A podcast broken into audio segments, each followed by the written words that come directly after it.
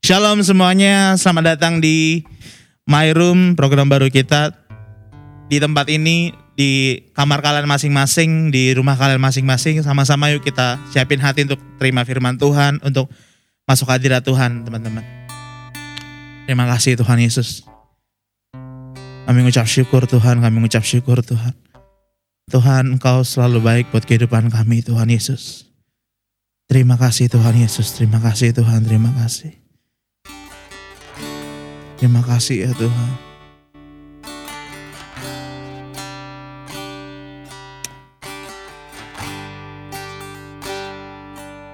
Terima kasih ya Tuhan Yesus. Bapa Engkau mengenalku lebih dari siapa pun Engkau tahu ceritaku dan isi hatiku. Ya Tuhan tak peduli masa lalu Engkau tetap memilihku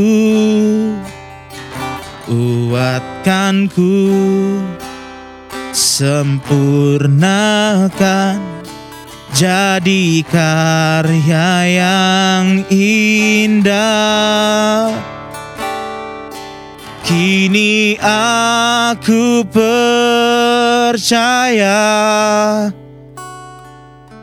Tiada yang mustahil bagimu Kuasamu kuatkanku Dasarku berharap.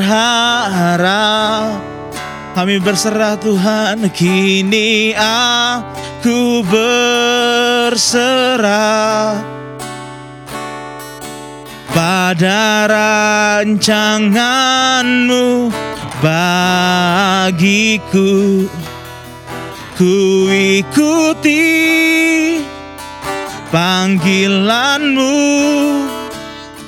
Ku kan setia sampai akhir hidupku. Biar ini jadi janji kami Tuhan Yesus. Terima kasih ya Tuhan. Bapa Engkau mengenalku lebih dari siapa pun. Engkau tahu ceritaku dan isi hatiku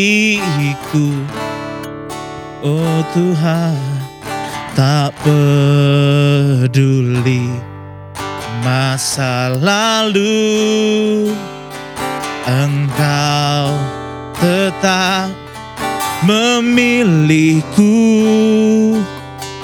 Ubahkan ku sempurnakan, sempurnakan jadi karya yang indah. Kini aku percaya ya Tuhan Tiada yang mustahil bagimu. Kuasamu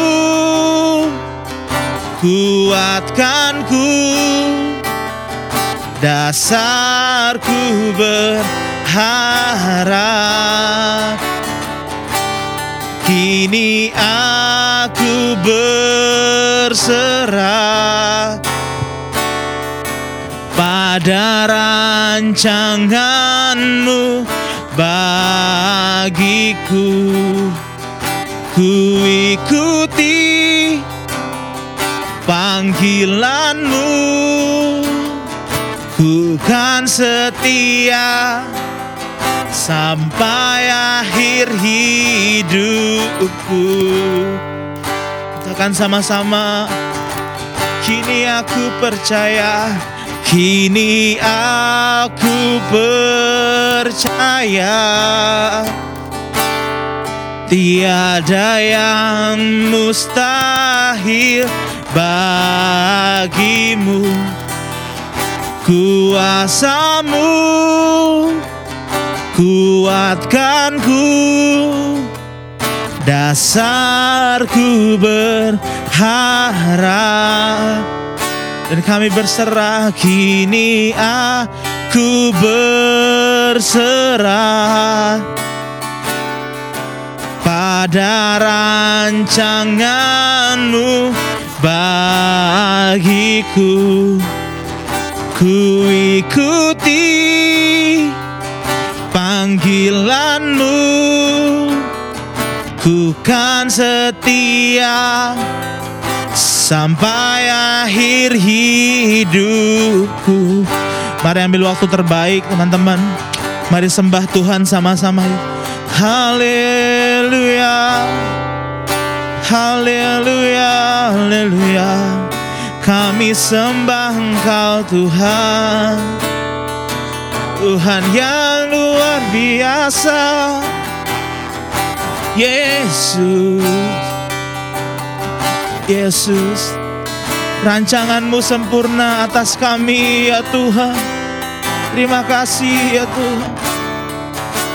Kami mau percaya Tuhan. Kami mau percaya penuh Tuhan. Haleluya Haleluya Haleluya Jesus Haleluya Haleluya Ya Tuhan kami sembah Allah yang luar biasa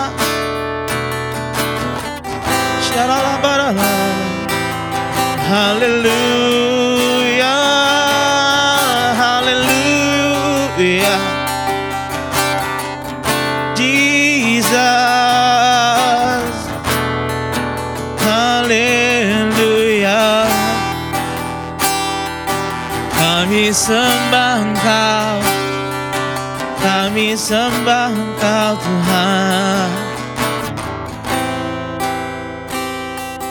Sama-sama nyatakan Kini aku percaya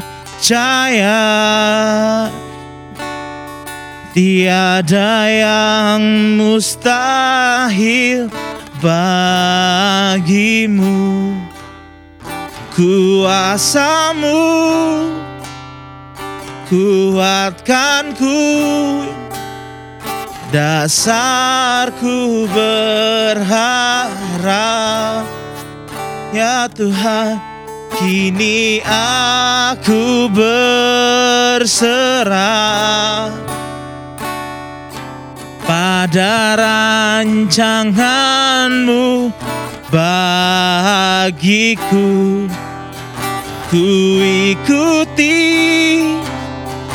panggilanmu Ku kan setia sampai akhir hidupku. Nyatakan sama Tuhan, kini aku percaya. Kini aku percaya. Ya Tuhan, tiada yang mustahil bagimu kuasamu kuatkanku. Dasarku berharap. Kini aku berserah pada rancanganmu bagiku. Ku ikuti panggilanmu. Ku kan setia sampai akhir hidupku. Katakan ku ikuti Ku ikuti panggilanmu. Ku kan setia sampai akhir hidupku sekali lagi nyatakan ku ikuti panggilanmu. Ku kan setia sampai akhir hidupku. Mari sembah Tuhan Haleluya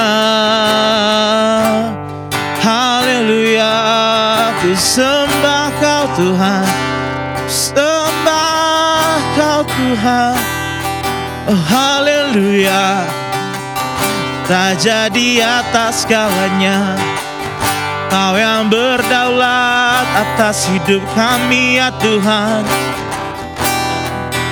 Jesus kami rasakan hadiratmu Kasihmu melimpah Tuhan.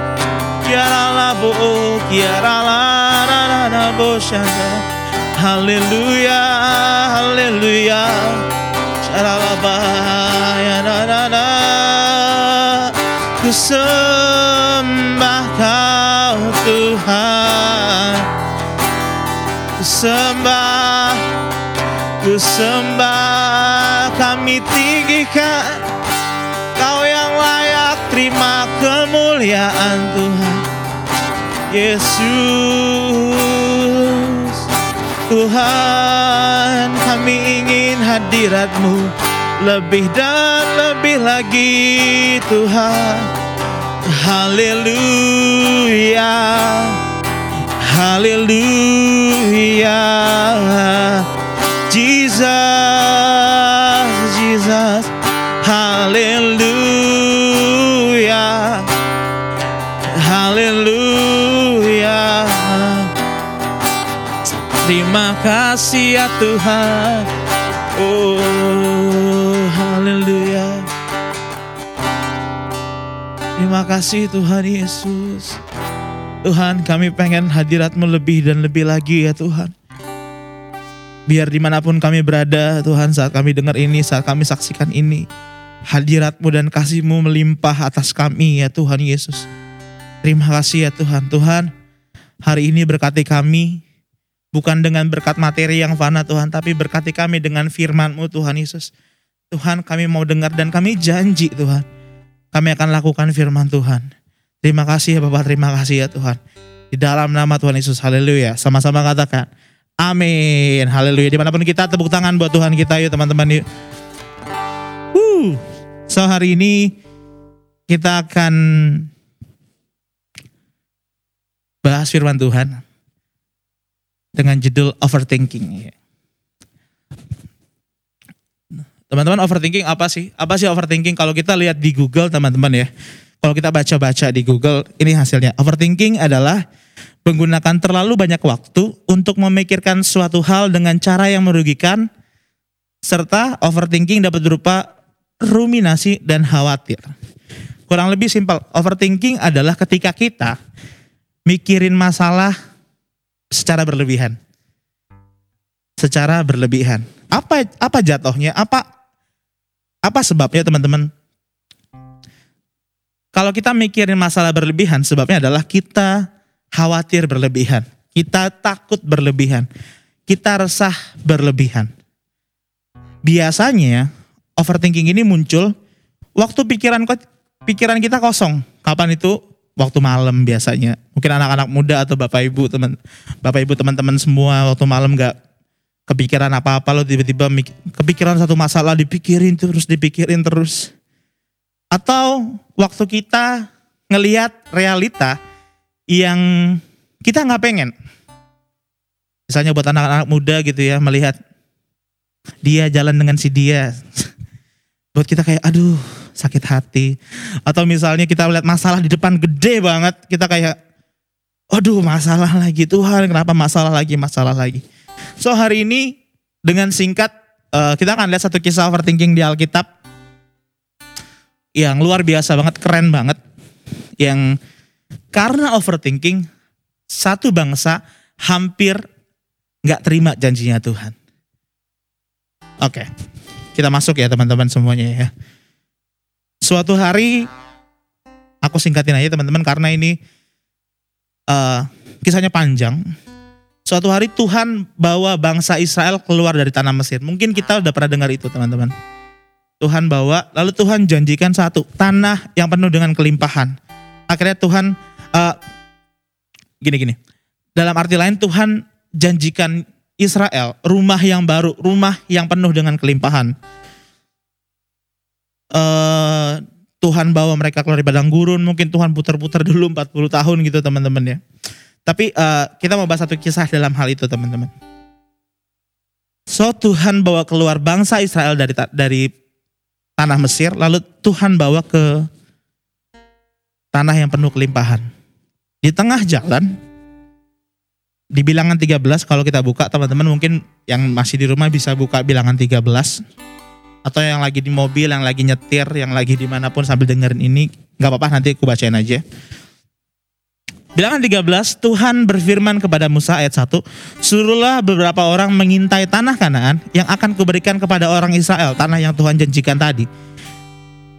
Dari setiap suku nenek moyang, maka haruslah kau suruh, kau suruh seorang, semuanya pemimpin-pemimpin di antara mereka. Artinya gini, Tuhan minta Musa, Musa uh, tolong pilih satu orang satu satu suku satu gitu ya. Satu suku satu untuk mengintai tanah Kanaan.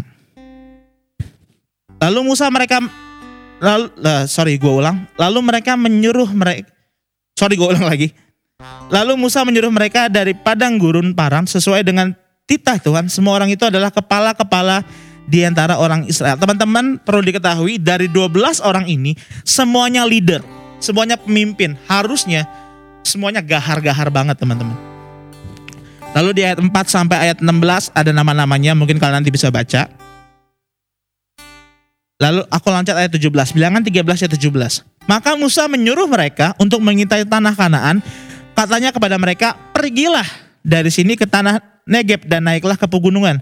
Dan amati amat amatilah bagaimana keadaan negeri itu. Apakah bangsa yang mendiaminya kuat atau lemah? apakah mereka sedikit atau banyak dan bagaimana negeri yang didiaminya apakah baik atau buruk bagaimana kota-kota yang didiaminya apakah mereka diam di tempat-tempat terbuka atau di tempat-tempat yang berkubu? Dan bagaimana tanah itu? Apakah gemuk atau kurus? Apakah ada di sana pohon-pohonan atau tidak? Tabahkanlah hatimu dan bawalah sedikit dari hasil negeri itu. Waktu itu ialah musim musim hulu hasil anggur. Gini teman-teman. Teman-teman, Bapak Ibu sekalian, dengar baik-baik. Yang janjikan tanah itu Tuhan. Sampai sini kita harus setuju yang janjikan tanah itu Tuhan. So harusnya mungkin kalau yang janjiin teman, janjiin itu orang yang suka bohong, kita nggak percaya gitu ya. Kita kayak ah. Tapi kalau yang janjiin, yang, yang janjiin tanah itu Tuhan, harusnya kita percaya habis sama Tuhan. Kita percaya penuh sama Tuhan. Lalu di titik ini Musa disuruh Tuhan uh, bikin tim 12 pengintai untuk mengintai tanah itu. Kalau aku pribadi memikirnya gini teman-teman. Tuhan suruh 12 pengintai itu masuk ke sana dulu supaya pulang bawa kabar baik. Setuju nggak? Wah benar kata Tuhan. Mungkin begitu ya. Mungkin mungkin aku akan gambarin. Mungkin maksud Tuhan adalah supaya 12 pengintai itu bawa kabar baik. Mungkin mereka akan ngomong gini. Wah benar kata Tuhan. Tanahnya berlimpah susu dan madunya. Wah bener tanahnya subur banget guys. Tapi apa yang terjadi? Apa yang terjadi sama 12 pengintai itu teman-teman? Tadi kita baca sampai ayat 20. Lalu 21. Mereka pergi ke sana lalu mengintai negeri itu dan mulai dari padang gurun Zin sampai ke Rehob ke jalan yang menuju ke Hamat. Oke, aku uh, baca lompat langsung ke ayat 23. Ketika mereka sampai di lembah Eskol dipotong mereka lanya uh, Ketika mereka sampai ke lembah Eskol, dipotong mereka lah di sana suatu cabang dengan setandan buah anggurnya. Lalu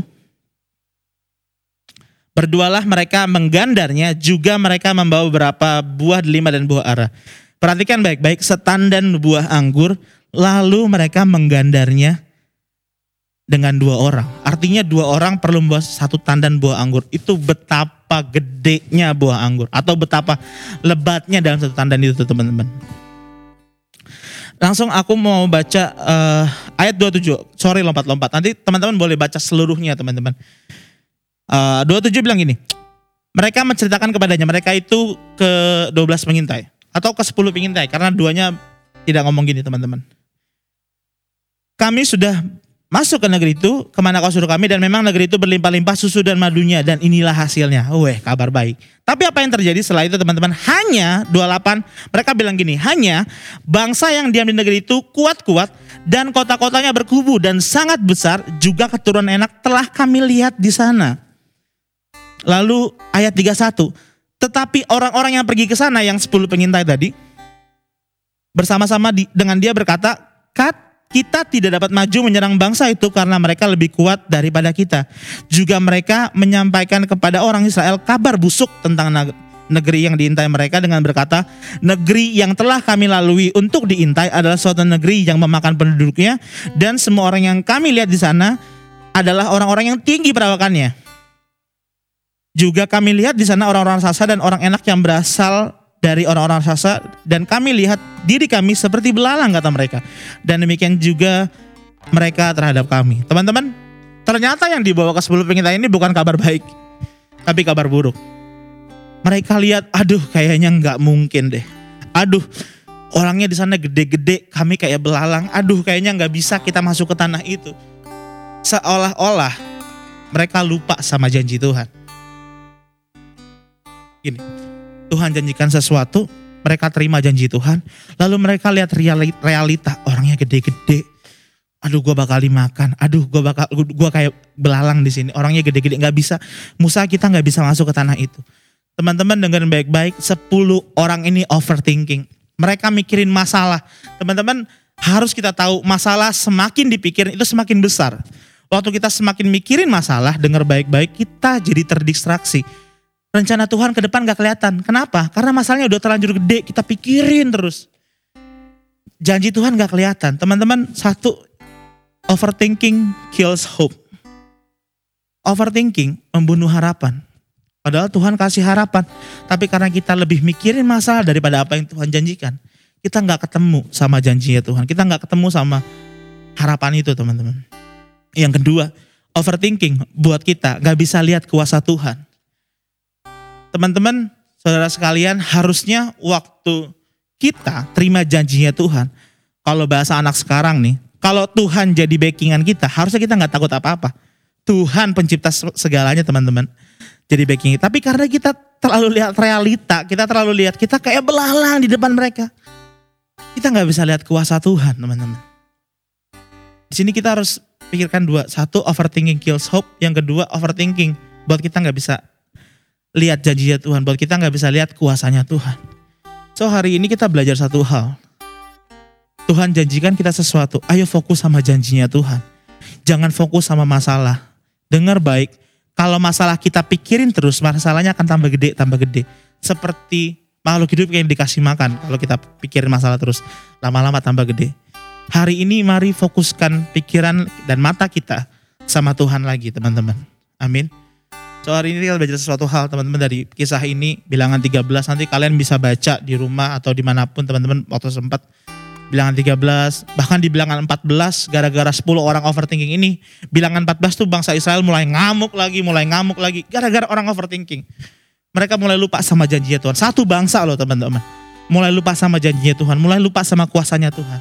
Dengar baik-baik kalau Tuhan udah janjikan sesuatu percayalah Tuhan akan genapi. Amin Mari kita berdoa. Tuhan hari ini kami belajar satu hal Tuhan. Biar hari ini kami mulai fokus sama Tuhan lagi. Biar hari ini kami mulai fokus sama janji dan rencananya Tuhan lagi buat atas setiap kami Tuhan Yesus. Tuhan ampuni kami kalau kami ke distract, kalau kami teralihkan sama masalah-masalah kami Tuhan.